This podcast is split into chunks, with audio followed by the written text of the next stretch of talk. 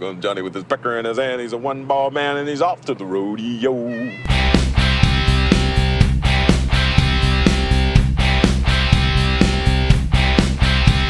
Hallo, welkom bij Julius versus Jasper, de podcast waarin wij elke maand twee films tegenover elkaar zetten en eentje verbannen naar de vergetelheid.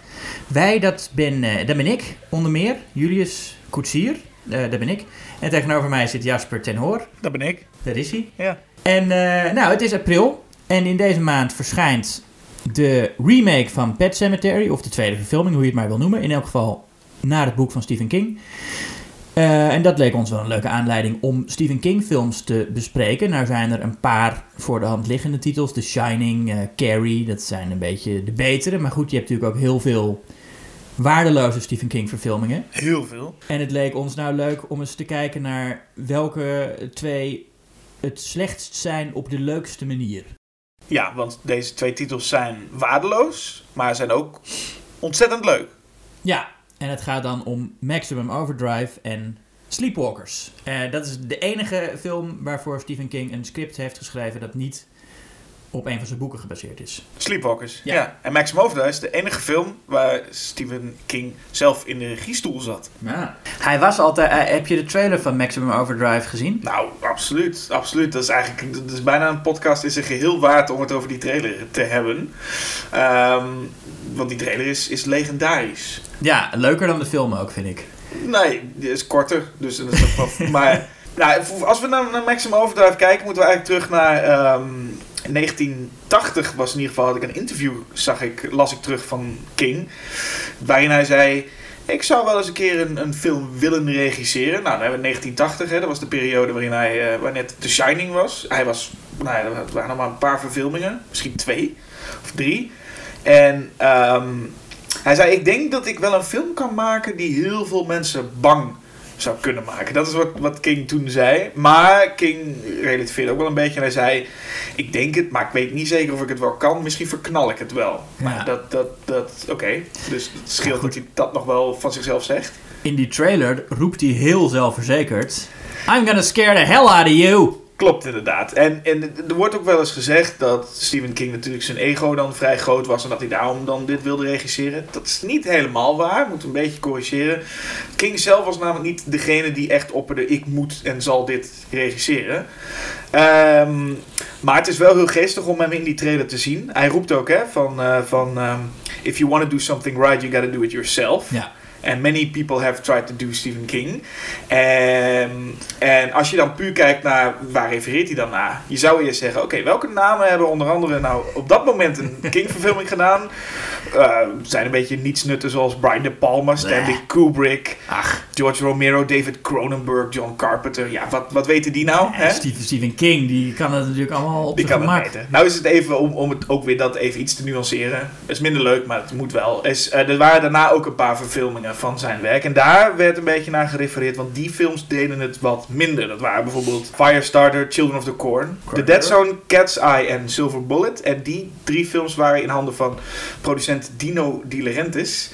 En dat is echt zo'n eh, nou ja, zo'n typische producent. Een beetje dat je voor je kan zien met zo'n man met zo'n sigaar in zijn bek die alleen maar wil, eh, eh, titels uit wil knallen. En de verfilmingen, die verfilmingen, waar, liep, het liep een beetje terug. King verkocht nog heel goed. Maar de verfilmingen, de- gingen steeds minder mensen naartoe. Maar The Dead Zone is een Cronenberg film met Christopher Walken. Het was een goede film, maar bij bijvoorbeeld, ik, ik weet niet helemaal zeker of het bij The Dead Zone ook al was, maar bij Cat's Eye en zeker bij Silver Bullet Ja, liep het terug. En dan niet alleen de kwaliteit, maar ook de, er zaten geen mensen meer in de bioscoop. En Nee. Kings naam was een beetje, nou ja, het was nog steeds een, want het was op een gegeven moment echt een legende, King. Dat was Mhm. gewoon de, de man. The King. dat was op een hoogtepunt en het liep een beetje terug, waardoor Dino De Laurentiis ook zoiets had. Volgens mij moeten we deze een nieuwe film gaan verkopen door te zeggen dat het door Stephen King zelf geregisseerd is.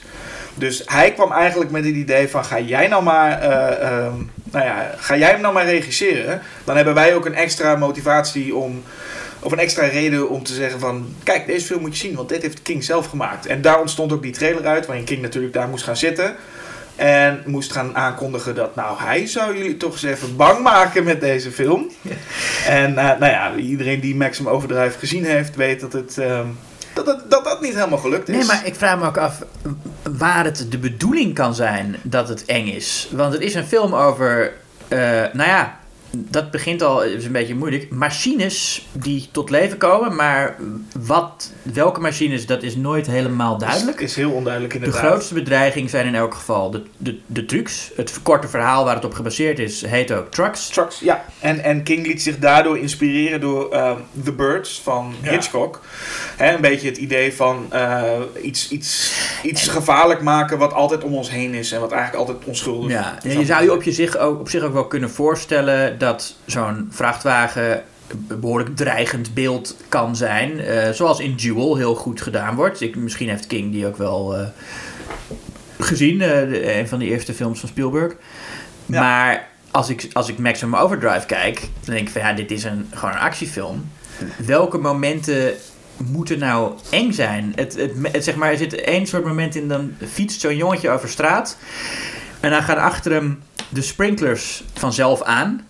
En als hij omkijkt, gaan ze allemaal uit. Want dat is ook eh, evil, want die dingen die, nou, ja, die, die leven. En, en blijkbaar heeft hetgeen wat veroorzaakt dat alle machines tot leven komen, heeft ook invloed op de waterleiding of zo. Ja, want je zou maar nat worden.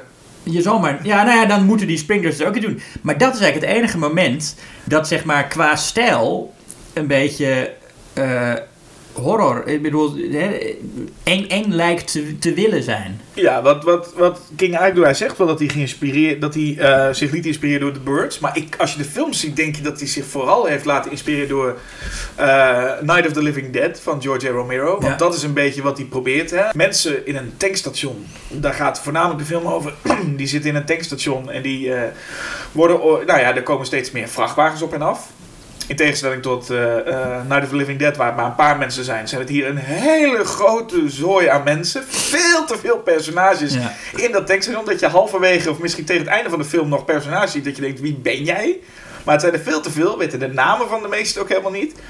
Maar dat is een beetje zijn bedoeling geweest. Van, nou, daar, daar- en, en er kan iets engs in zitten. In het feit dat je in een tankstation vastzit. En die vrachtwagens rijden maar rondjes. En je kunt er niet uit.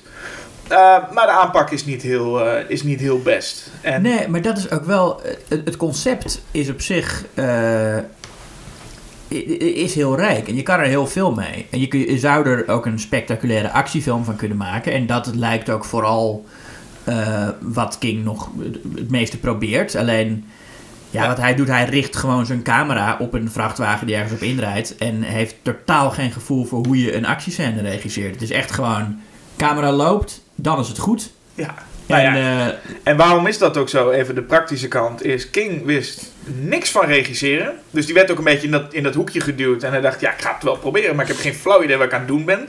Hij belde dus af en toe ook met zijn uh, goede vriend uh, George Romero van, ja, hoe moet ik dit nou precies doen en hoe, hoe kan ik dat het beste aanpakken? Um, daarnaast verstond hij geen zak van zijn Italiaanse crew. Dus die, dat communiceren liep ook al niet zo lekker.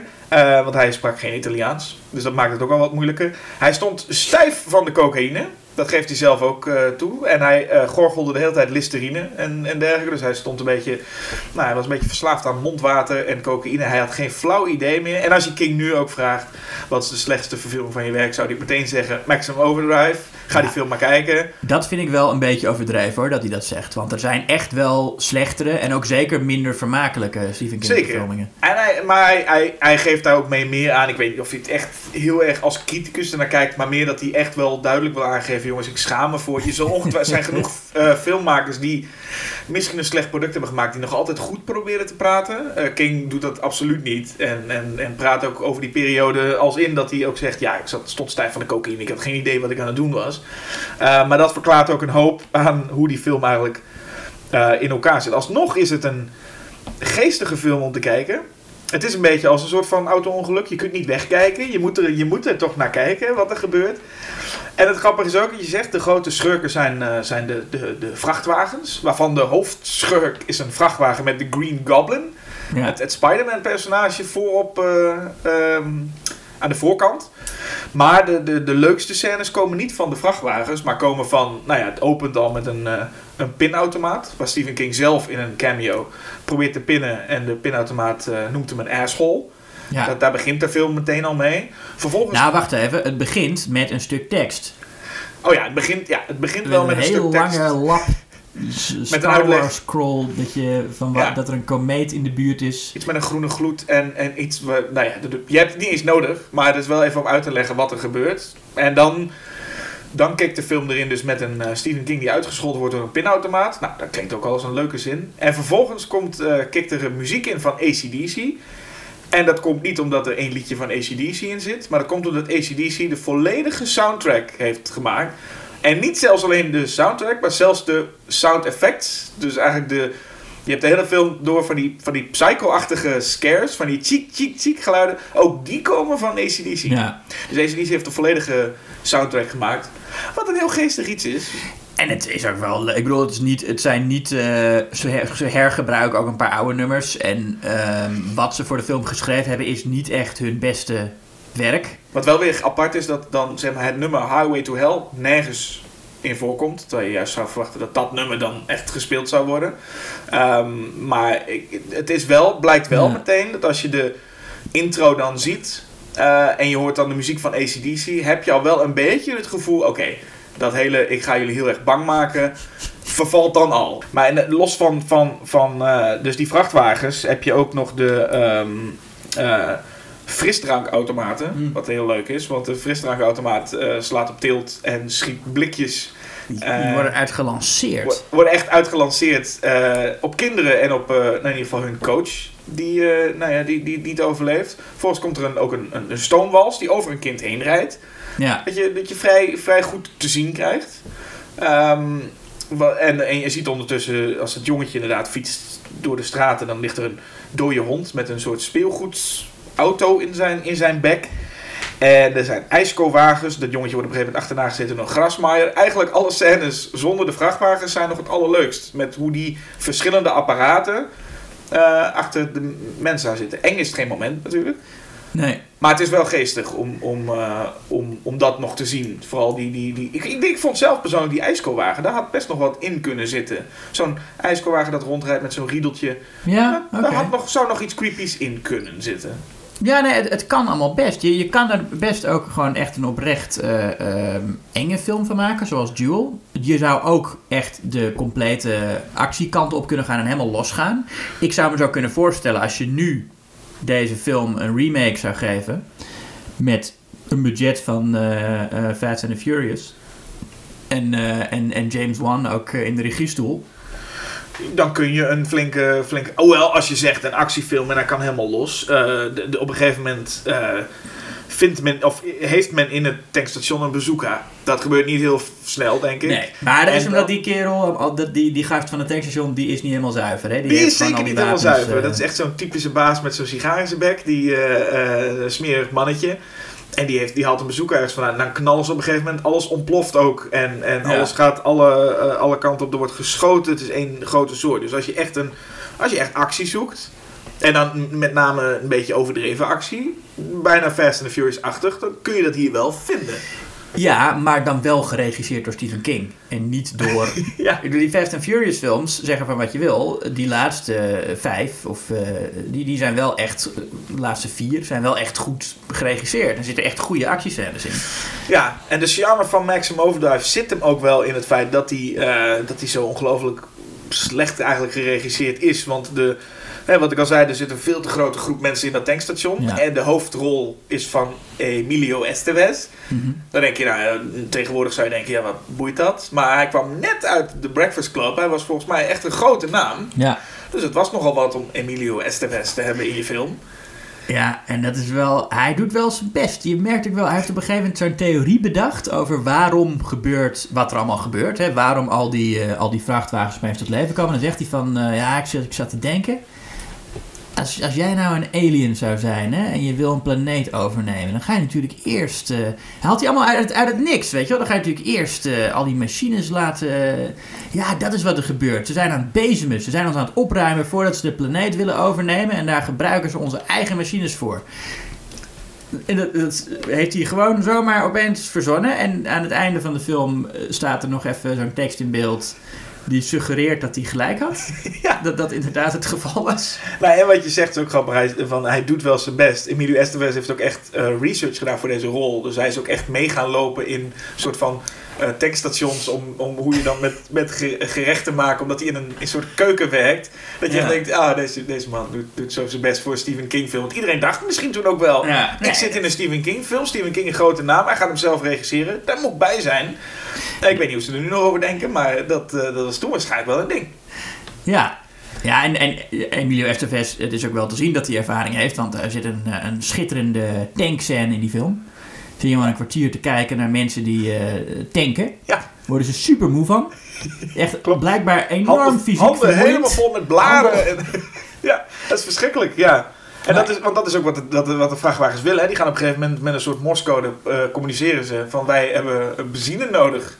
Ja. Want, want ja, die aliens kunnen wel sp- sprinklers open. Die kunnen alles wel, maar die kunnen niet vrachtwagens laten rijden zonder benzine.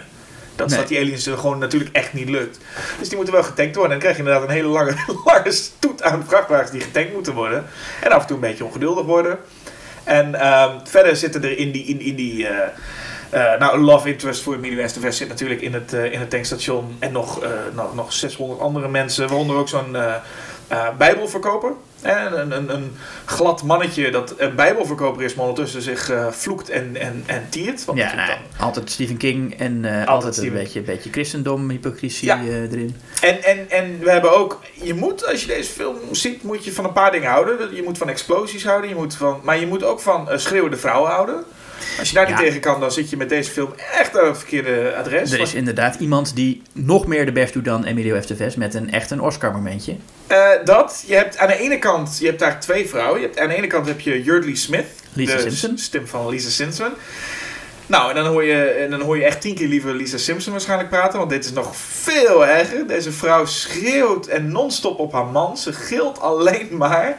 Ehm, dat wordt heel snel heel vervelend. Ehm, maar het is ook wel geestig hoe ze dat doet. Maar, de, maar de echte, het echte Oscar-momentje is inderdaad een, een, een, een eh, serveerster die op een gegeven moment naar buiten loopt. En haar, haar, je, kunt het nu in mijn podcast niet nadoen, maar hoe zij ehm, hand, hoe ze erbij Ja, de, beweegt. de lichaamstaal is heel belangrijk. Dat wordt heel vaak vergeten. Iedereen die het over die scène heeft, heeft over dat ze zo schreeuwt. Maar hoe ze erbij staat. Hoe haar lichaam beweegt op het moment dat ze dat schreeuwt, is echt een Oscar-moment. Maar ze schreeuwt dan heel hard naar die vrachtwagens van We made you. Ja. Eh, ze vinden het gewoon oneerlijk. Dat is eigenlijk ook letterlijk wat ze... Ze vinden het oneerlijk, want we made you. Dus dat, dit kunnen jullie niet maken. En daar, eh, eh, nou, dat, dat is wel echt het hoogtepunt van de film. Where's your sense of loyalty?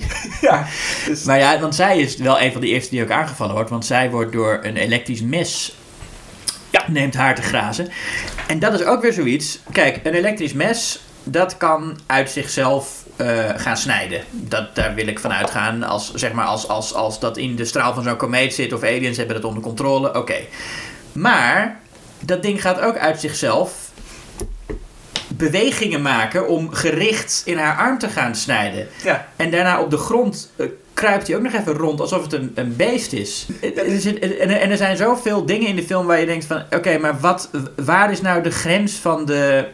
Van de, de, de, de krachten die deze machines hebben. Is het ook telekinetisch? Eh, Hoe, hoe communiceren ze met elkaar? Ja, er is geen, geen lijn in te... eh, Nee, en aan het einde ontsnappen ze op een boot. Oké, daar zit ook een motor in. Nee, er zit geen lijn in. Nee, je, Nee, je het vraagt je elke keer maar af wat gaat er nu wel en wat gaat er niet tegen. Ja, wat werkt voor het plot? Welke auto's? Ze rijden ook gewoon nog in auto's rond, terwijl de andere auto's al, eh, al eh, overhoop liggen met elkaar. Vraagt Nou, en het meeste is natuurlijk te verklaren dat door Stephen King, die inderdaad geen enkel idee had waar hij eh, mee bezig was. En die gewoon zei van ja, oké, trucks. De- Weet je, in, in een kort verhaal hoef je niet zoveel uit te leggen. Maar als je dat op speelfilmlengte uit gaat werken, dan loop je toch tegen bepaalde dingen aan. Waarvan je dan zou denken, dat moet ik even uitzoeken en uitleggen. Ja, en Waren en- het niet dat je Stephen King bent die dik aan de cocaïne Ja, en het zit natuurlijk ook in het feit dat, kijk, eh, Hitchcock maakte The Birds. En ik weet helemaal niet zo goed of die film nou heel erg duidelijk maakte van ja, welke, welke vogels we- wel en welke vogels niet. Eh, Alle vogels volgens mij. maar ook, zeg maar, elk, elke soort papegaaien en zo. Dat wordt niet heel duidelijk per se Nou ja, gemaakt. er zitten niet heel veel papegaaien in. eh, Nee, maar de, de, de- die vraag stel je dus ook niet. Terwijl Ja. je bij, bij, als stel dat King had gezegd in deze film, alle vrachtwagens, hmm. dan heb je nog ergens, kun je, dan kun je nog een keer in twijfel hebben, is het nou een vrachtwagen of een busje, wat is het net? Maar het feit dat hij nu zegt alle apparatuur, Ja. maakt het ook heel moeilijk. Hij maakt het zelf ook heel moeilijk door te zeggen... apparatuur werkt tegen ons. Wat een leuke premisse verder is. De techniek gaat tegen ons in. En, en het verhaal heet ook gewoon trucks. Dus het gaat in zekere zin ook puur om die vrachtwagens. Want dat zijn eh, imposante dingen... die eh, ja, niet veel Ja. meer kunnen dan tegen je aanrijden. Nou, ze kunnen je ook besluipen. Zoals aan het einde van de film wordt de laatste persoon die, door, die doodgereden wordt door de Green Goblin truck, die wordt echt beslopen. Ja, ja, dan zijn ze ineens heel subtiel. Zijn een soort ninja's. Maar wat, en wat, eh, wat je ook nog ziet, is er ook geen logica in. Maar je ziet op een gegeven moment ook, dan zijn de twee personages met elkaar een beetje aan het fluisteren. Emilio Estevez en nog iemand. Een beetje zo met elkaar aan het praten van wat gaan we nou doen. En dan gaat het spiegeltje van de auto Ja. beweegt zich automatisch naar dat ze, dat ze dat, de auto, zodat wij hen zien. Waarbij je denkt, zijn dat dan de ogen van... Kan, kan die vrachtwagen alleen maar zien wat in het spiegeltje gebeurt? Waarom doet hij dat? Geen idee waarom. Maar dat is een soort van... Ja, ook geen logica. Of zijn oren. Het zijn misschien zijn oren. Er zijn dus, die- het, het spiegel is het... het- Oké, dus ze Ja. hebben wel echt oren. Kijk, als je, zou, je zou, als je een auto ziet, hè, je denkt vaak, het raam, dat zijn de ogen. Kijk maar naar Cars van Pixar. Zou niet, De zou niet- ja, ik zou de koplampen zeggen. Ja, dat is klassiek zo. Dat is ook bij Basti en Adriaan zo. Ja, Maar wat- daar heb je wat- van die wimpers op. Ja, maar wat juist wat zo goed was aan het ontwerp van Cars van Pixar, is dat het de voorruiten de ogen zijn. Dat ziet er veel Ja. aangenamer uit. En als dat zo is, dan heb je die twee zijspiegels, dat zijn dan natuurlijk de oren. Ja, en wat natuurlijk het meest idiote al is, is het feit dat de hoofdvrachtwagen, de Green Goblin, heeft gewoon al een hoofd van zichzelf erop. Ja. Met oren en ogen. Ehm, wat verder nergens op slaat. Volgens mij was het ook echt een eis van Dino De Laurentiis. King wilde ook gewoon niet dat hebben. Ik heb ergens gehoord dat eh, Dino De Laurentiis eigenlijk Darth Vader's masker erop wilde hebben. Maar dat in ieder geval, want het is de Green Goblin van, eh, van Marvel. En die hebben ook echt toestemming gegeven om, deze, eh, om dat personage te mogen gebruiken. En men heeft ook echt aan alle vrachtwagens die rijden, hebben ze al die merken hebben ze toestemming gevraagd. Sommigen zeiden nee, anderen zeiden ja mag, tenzij je mensen doodrijdt met, onze, met ons logo erop. Zo zijn ze echt, dus Marvel heeft echt toestemming gegeven van gebruik de Green Goblin maar op jullie eh, Huh. moordende auto. En, en, maar logica, ja, laten we laten we zeggen, logica is, is, is ver te zoeken. Zoals wel vaker. En zoals ook wel bij een film die we ook kunnen bespreken. Gaan bespreken. gaan bespreken. Ja, Sleepwalkers. Want hoeveel logica zit er in die film? Ja, jezus. Ook compleet onduidelijk wat daar nou... Oké, nou ja, het begint ook met tekst. Met een soort definitie van wat een sleepwalker is. Ja. En het is dan een soort wezen. En er staat of, of human and feline origin. Dus die stammen dan af van mensen en katten. Ja.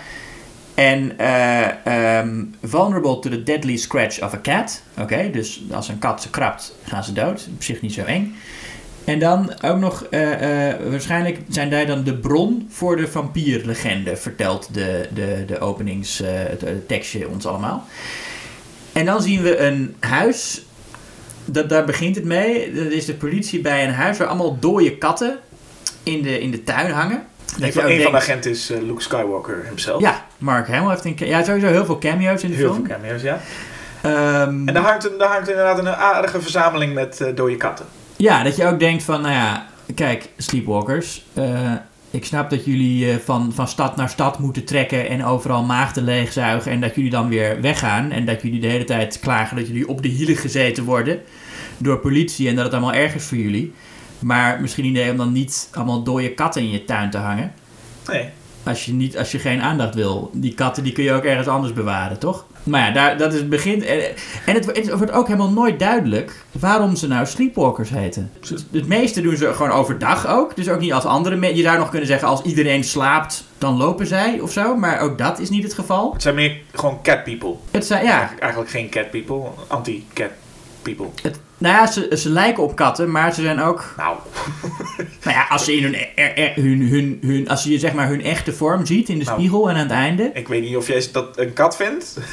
Ze hebben toch kattenoortjes? Nou, nou, Oké, dat is misschien het enige, maar ik weet niet waar ze op lijken. Maar het zijn, zijn hele... Een soort alien-kattenachtige Gemuteerde figuren. Die, alien. eh, eh, nou, maar hun ding is dus dat... dat Oké, je hebt een moeder en een zoon... eh, die ook eh, een eh, seksuele relatie met elkaar hebben. Nou, ze, ze, inderdaad, er is een, een scène waarin ze naar boven gaan. Hè. De zoon tilt moeder op En vervolgens zien we het huis en dan komt er toch een paars licht uit die ramen. Dat je denkt, nou, daar wordt, daar wordt, daar wordt flink huis gehouden, schijnbaar. Ja, absoluut. Ja, Nou, is- goed, zoals je dat doet als, als moeder en zoon. En de- maar, maar die moeten, die zoon, die, die moet voor die moeder natuurlijk de energie uit maagden zuigen en dat dan bij haar weer erin stoppen. Eh, en, en zo blijft zij in leven. Dat is eigenlijk het hele het, het, het, het, concept van de sleepwalkers. Plus, hij wordt een keer onzichtbaar. En dat, is, eh, dat, dat doet hij gewoon om, eh, omdat dat volgens mij, dat, had Stephen King dan eh, het idee van, hoe, hoe kunnen we deze scène oplossen? Want hij wordt achterna gezeten. Nou, hij heeft, hij, heeft, hij, hij heeft meer gaves nog. Ik bedoel, hij kan onzichtbaar worden, maar hij kan ook zijn auto laten veranderen. Ja, van andere van, ja, kan hij veranderen ook. van auto. Dus dat is, ik bedoel, die gaves zijn, eh, zijn, als je het hebt over logica, ik vind het nog wel bijzondere gaves die die sleepwalkers hebben. Ja. En wat kan hij, hij, kan ook, hij kan ook zien of een meisje maagd is, volgens mij. Dat is ook een gave. Dat is althans nodig, want hij gaat op een gegeven moment, hij gaat natuurlijk naar school. En op zijn, op zijn high school zit één meisje waarvan hij dan eh, nou, weet dat zij een maagd is en dat heeft hij nodig. En die eh, weet hij dan eh, vrij gemakkelijk te versieren. Ja, dat gaat heel eenvoudig, ja. Ja, dan gaat hij met hem mee naar de kamer waar zij door de hele kamer eh, ondergoed verspreid heeft liggen. Dat- Wat ze dan heel snel probeert te verbergen voor hem. Want eh, het ligt er zo, op- en niet alleen op het bed, maar ook gewoon op het, op het nachtkastje en over foto's heen. Ik weet niet hoe zij, wat, hoe, zij met haar, hoe zij haar ondergoed uitdoet 's ochtends, maar volgens mij gooit ze het echt de hele kamer door, ja. Ja, dat smijt ze in het rond. En, nou ja, maar, en, maar goed, dan wordt zij een beetje verliefd op hem. En dan. Weet je, eh, dit is ook weer zo'n film die best wel potentie zou hebben als een oprecht goede film. Want ik denk het concept. Ja, je kijkt nu heel verbaasd. Ja, ik vraag me, af- ik vraag Ja. me af hoe. Oké, het, het concept dat je zeg maar, je hebt twee eh vampierachtige wezens, weet je wel. Ehm, de een moet voor de ander een, een, een maagd vinden en de ander daarmee energie geven. Het feit dat het dan moeder en zoon zijn, ik, s- heb- ik snap niet waarom Stephen King, ja, die wilde dan misschien extra creepy of goor maken of zo. En dat hij Ja. daarom dat moeder en zoon laat zijn, maar dat is eigenlijk helemaal niet zo belangrijk voor het verhaal. Nee. Ehm, maar wat nou interessant geweest zou kunnen zijn, is als die jongen echt verliefd was geworden op dat meisje en dat die, die moeder dan jaloers wordt. Ja, dat... ah, ik weet niet of het een veel betere film was geworden, maar nee, dat had... Dat bedoel, had- dat, nee, dat is niet het enige wat je had kunnen veranderen. Je had alles moeten Kijk, veranderen. het is een film van Mick Garris. eh, dat is al, weet je wel, Mick Garris is, is de man die de meeste Stephen King verfilmingen gemaakt heeft. Ja. Eh, eh, ja, hij heeft de, de, de miniserie van The Shining, The Stand. Inderdaad, Riding the Bullet. Ehm, en hij heeft, volgens mij was het zijn, zijn werk aan Psycho 4. Daarvoor kreeg hij waarschijnlijk deze film, schijnt ook. Want Psycho 4 had hij natuurlijk een film gemaakt die ook hè, zo'n moeder-zoon relatie neerzette. En daardoor werd hij eh, voor deze film... eh, of het moet zijn dat, dat Stephen King heel erg te spreken was over Critters 2. Dat kan natuurlijk ook. Maar ik gok dat, dat laatste. En, hij is eh, in elk geval bepaald geen goede regisseur. Hij Dus je geen- zou heel veel aan de film moeten veranderen, wil het een goede film worden. Maar ik wil maar zeggen, het is wel een film die eh, potentie heeft voor een interessant conflict. Ja, oké, dan moet je heel diep zoeken. Maar wat deze film wel heeft, is, is gewoon een hoop hilariteit. Want de Ja. film is, is gewoon echt zo slecht dat het heel leuk wordt. Of zo leuk dat het heel slecht wordt, kan ook misschien. Vooropgesteld, Stephen King was ook in dit geval, hè, je zei het al, Stephen King heeft zelf het scenario geschreven voor een keer. Ook weer vanwege dat hij niet blij was met eh, alle verfilmingen. En dat hij dacht, ik ga gewoon zelf een keertje een, een screenplay schrijven. En daar had hij ook heel veel lol in, zei hij. Maar het is echt een, een, eh, een, een... Misschien zat hij daar ook wel volledig aan de kook, dat weet ik niet. Maar het is een, een film die... eh, de toon van deze film is, gaat zo alle kanten op. Ja. Het is een... Het, het is ene keer is het weer gewoon vrij recht toe recht aan. Gewoon een normaal verhaaltje. En ineens, dat zijn echt... Er zitten in deze film ineens van die momenten... Waarop het helemaal... Dat je echt denkt, wat gebeurt er nu? Ja. Het bizarre momenten waarop ineens de, de, de sleepwalker kant naar buiten komt. Dat je denkt, als je die dingen eruit zou halen, heb je gewoon een, heb je misschien best wel een recht toe recht aan drama filmpje of iets dergelijks over een jongen en een meisje. Maar ineens komen daar transformaties in en, en, en achtervolgingen. Eentje, de, de, de, de leukste, een van de leukste is met een eh, docent. Ja. Dat is een, eh, een scène. Ja. En, en ik moet zeggen, wat ik, die docent, die scène is heel leuk, komen ze op. Maar wat vooral grappig, of wat ik vooral geestig vond, was de scène daarvoor. Die docent die, die, die vindt deze nieuwe jongen eh, is, die is gewoon goed. Want die jongen die, die, die is slim en die heeft allemaal, eh, nou ja... heeft een is- kort verhaal geschreven. heeft een mooi kort klas. verhaal geschreven. Dus die docent is ook, heeft niet de pik op hem. Juist denkt van, nou, wat een goede, goede gozer verder. Dan is die docent ineens op een hele raar moment... is hij ook boos op een andere jongen die niet goed oplet. Slaat hij ook echt met een, met een liniaal. En dan zegt hij iets... Ik weet niet precies hoe het ging, maar dan zegt hij iets over... Ja, een doos heeft... Ja, eh, ik heb, ik heb, dit, ik heb oh, dit opgeschreven. gooi, gooi de quote er even Dit vond ik zo'n mooi citaat. Oké, dus, dus die eh, knul, die, die sleepwalker, Charles Brady heet hij, heeft net zijn korte verhaal voorgelezen. Wat eigenlijk ook over hem en zijn moeder gaat. Maar Het- dat zegt het hij er dan niet, sleepwalker eh, ja, bij. En dan begint die docent en die gaat het zo over, over dat verhaal hebben. En dan zegt hij: We all know a story should have a beginning, middle and end. Dat je al denkt van, nou, wat, eh, prima analyse. Ja, toch? Ja, dat kun je over elk verhaal zeggen. En dan, but that's like saying a box has four sides. En dan zegt Charles Brady, actually a box has six sides. Ja. En vervolgens ligt, ligt iedereen ook in een scheur om deze opmerking. En vervolgens wat er gebeurt, die docent die, die, die kijkt dan heel boos. Zo van, oh, hij heeft mij te kakker gezet. Vervolgens krijg je een fade nadat het lokaal leeg is. En die docent staat er nog steeds. Alsof hij een paar uur daar stond met, oh, ik ben toch Oh. zo... En dan gaat hij Ik naar zat het midden in mijn aan- literatuuranalyse en word ik, word ik, word ik gen- Precies, ik had zulke diepgaande dingen te zeggen en nu ben ik helemaal... En dan loopt hij naar dat raam toe en dan doet hij zo die luxe flex naar beneden en dan kijkt hij naar, naar die Charles Brady. En dan kijkt hij ook echt zo van, oh ja, en net was er nog niks aan de hebben. hand. Ja, ik denk- zal je hebben met je zeskantige doos. Oh. Ja, precies. En dat loopt dan ook verder, want uiteindelijk de docent hou- houdt hem eh, eh, met de auto, houdt de docent hem aan. En hij zegt, ja, ik heb je wel door, want het plaatsje wat jij noemde waar je uit eh, vandaan komt, die bestaat helemaal niet. Waarbij je dan denkt, gaat dit nou nog steeds over die dozen, die opmerking? Want dat voelt het wel. Maar, en je krijgt ook een soort van, het heeft ook een seksuele ondertoon. Ja, hij, ja, hij wil hem chanteren voor seks inderdaad. Het blijkt opeens dat hij dan een soort, eh, nou ja... Maar geen van die dingen heb je ergens het idee, waar, waar kwam dit vandaan? Het is niet alsof Ja. die...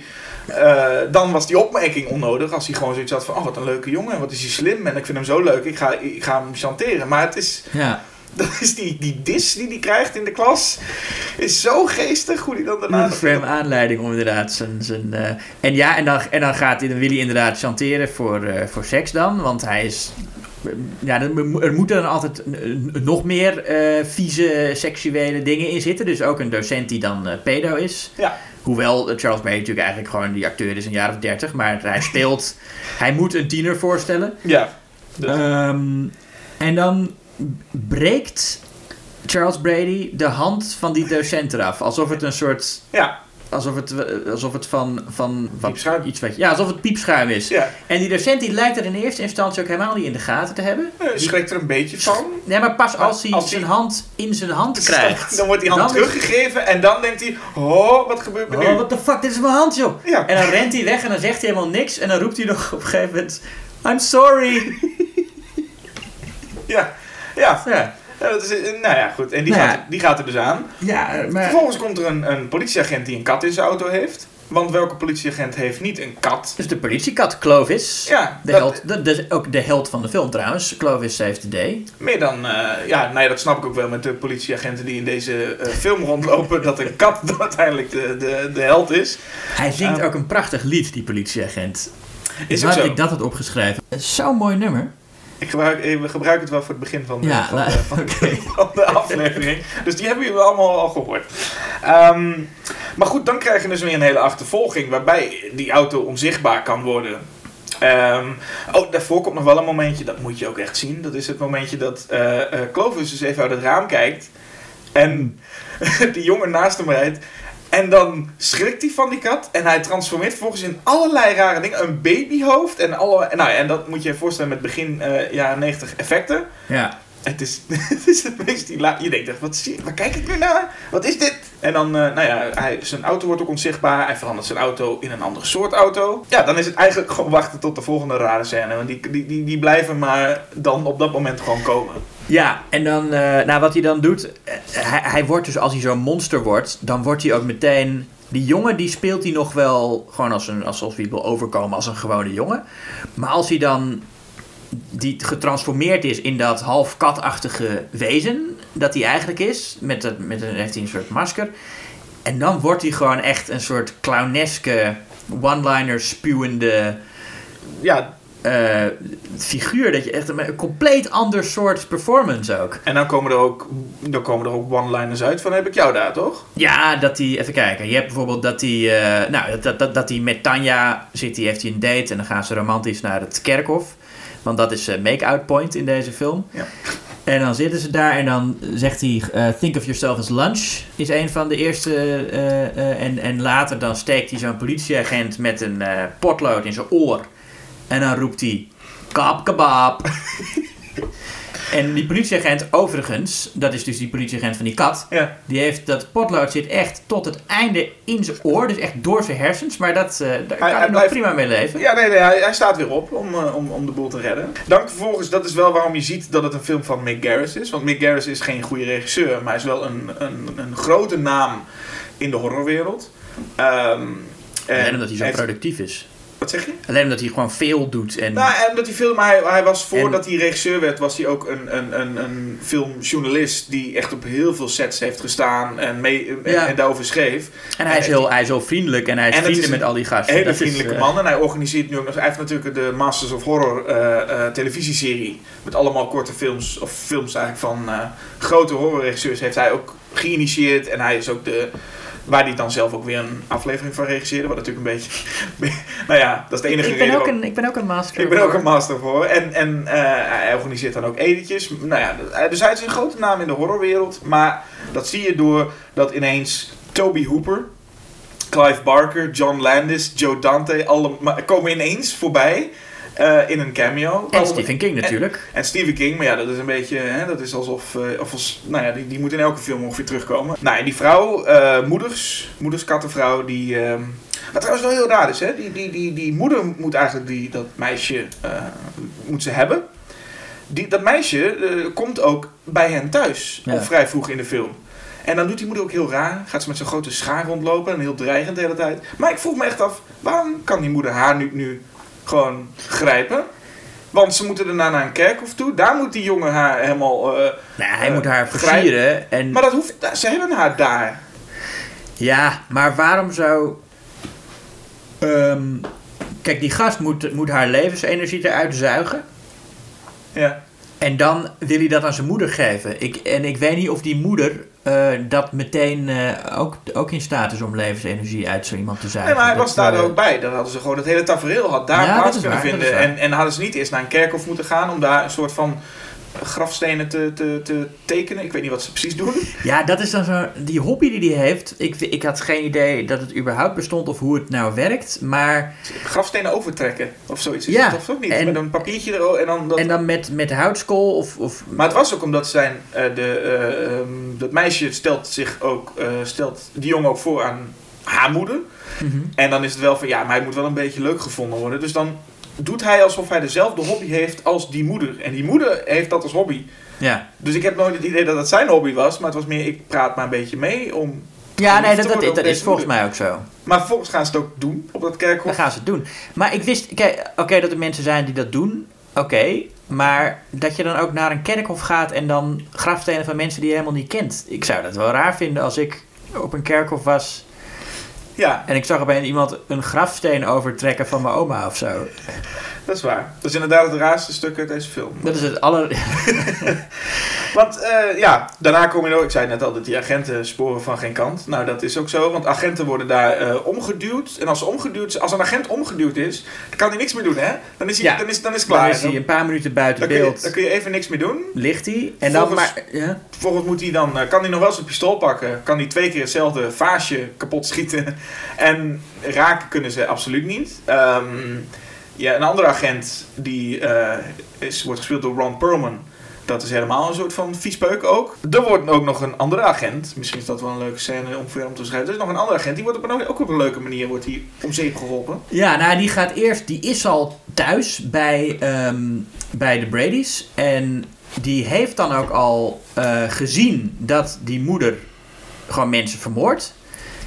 En dan gaat hij dan heeft, is zij tijdelijk uitgeschakeld. En dan loopt die man gewoon naar de keuken. En dan gaat hij in dat huis, belt hij de politie. Hij gaat niet even naar zijn auto om, om vanaf daar. Maar hij gaat gewoon in dat huis blijft hij. Dat is trouwens dezelfde agent die ook net een tijdje geleden omgeduwd werd. En toen Ja. echt een paar minuten niet meer van de topagent. En, eh, en, en die toen de hele tijd eh, misschoot inderdaad op eh, drie meter afstand. Ja. En die wordt dan in zijn rug gestoken met een maiskolf. Ja. En dan zegt die moeder: No vegetables, no dessert. Those are the rules. Eh, prachtige rol trouwens, die moeder. Ook, eh, Ja. maar eh, maar gewoon, in, gewoon als, het, zeg maar, als het een object is, is het een wapen. Dat is een beetje de regel die Stephen King hier heeft ingevoerd. Alles Ja. wat, wat je vast kan houden, kun je gebruiken als wapen. Kun je door iemand heen drukken of iets dergelijks, inderdaad. Ja. Nou, wat ze ook al doet, is de twee, er staan twee agenten ook voor het huis als bewakers. Die slaat zij twee keer met de koppen tegen elkaar aan. En ja, dan, zijn, dan ben je natuurlijk dood. Logisch, dus die twee agenten zijn daar. eh, die, ja, dat, dat is klaar dan. Als een vrouw ja, van achter besluit en twee keer met de hoofden tegen elkaar slaat. Vervolgens komt ze ook binnen. Die vader slaat ze met een, een fles. En dan eh, eh, zorgt ze voor drie krassen op zijn gezicht. Ja. En die schijnt volgens mij ook dood te gaan. Dus misschien gaan mensen ook gewoon. Nee, die vader is toch wel oké, toch? En volgens mij, ik, ja, ik weet of, of we weten het niet. Volgens mij is vader dood. Je komt er niet achter. Hij is in ieder geval tijdelijk uitgeschakeld. Maar Nou ja, ik, ik heb niet de indruk dat hij... dood is. Nee, ik heb niet de indruk dat hij dood is. Ik denk dat hij dat nou ja, gewoon- ik, ik kreeg het wel. Ik kreeg echt de indruk dat hij ook... Hoewel, het is, wel, het is wel de vader van Damaske. Ja, En die zit uiteindelijk in er eentje met Clovis op schoot.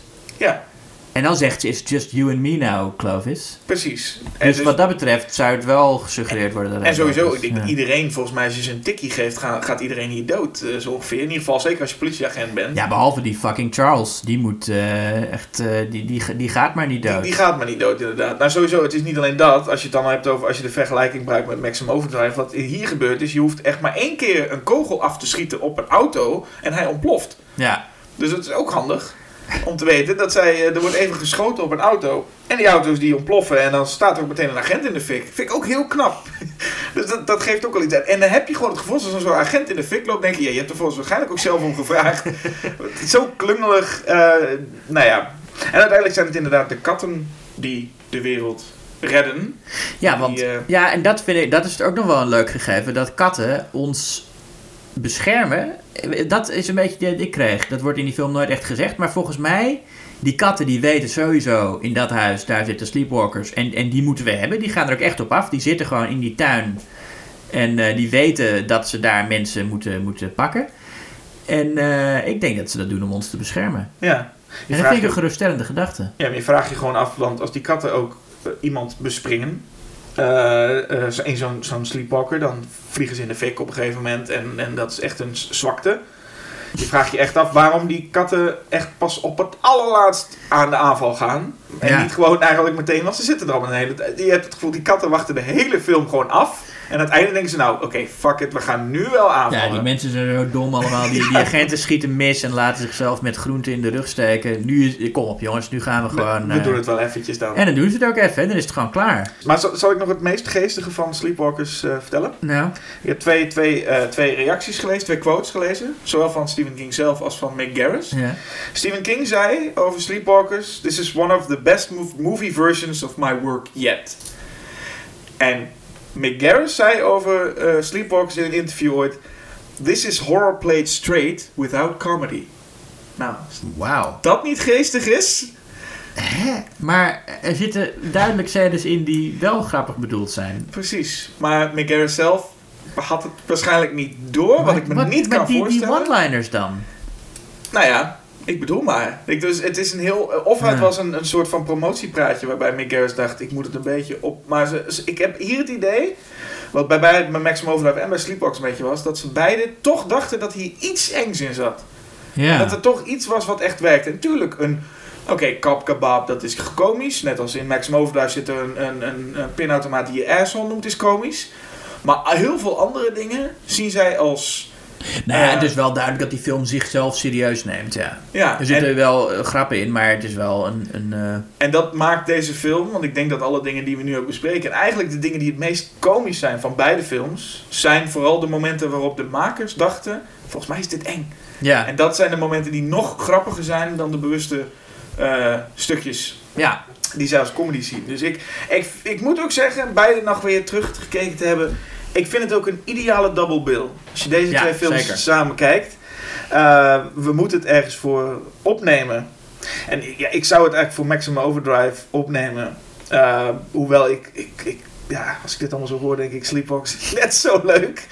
Eh, dus ik ga als laatste voor het enige argument dat ik zeg, laten we dan Stephen King's enige regie, de, laten we zijn regiedebuut niet afnemen. Dat is het enige argument wat ik kan brengen. Anders verder kan ik niet anders zeggen Ja. dan deze double bill is, is, is ideaal. Ik zou zeggen, naast eh, alle belachelijkheden die in, in beide films zitten, eh, heeft Sleepwalkers wel met Mick Garris een slechte regisseur, maar wel eentje die wel wat ambities heeft. En die ook de camera op de raarste momenten hele gekke fratsen laat uitvoeren. Je hebt dan een scène, dan rolt Mädchen, eh eh Mick, eh, hoe heet ze, Tanja, rolt zo van een berg. En dan rolt de camera mee met haar. En die heeft hele rare point of view shots opeens. Dus hij is wel echt. Hij, hij, hij probeert iets. Hij is bezig. Dat waardeer ik altijd. En. Maar Stephen King probeerde ook wel dingen, maar probeer, Ja, jij, maar maar, niet- niet- probeer jij maar stijf van de, van de cocaïne en andere taal te spreken. Ja, oké. Ik ben blij dat die Ja. camera überhaupt aanstond bij Maximum Overdrive. Oké, oké, oké. Maar goed. Maar Sleepwalkers heeft ook. eh, wel een moment dat oprecht emotioneel raakt. Ja, vertel. Als de agent van wie Clovis de politiekat is, als die dood is. En Clovis gaat op hem zitten. Dat is hartverscheurend.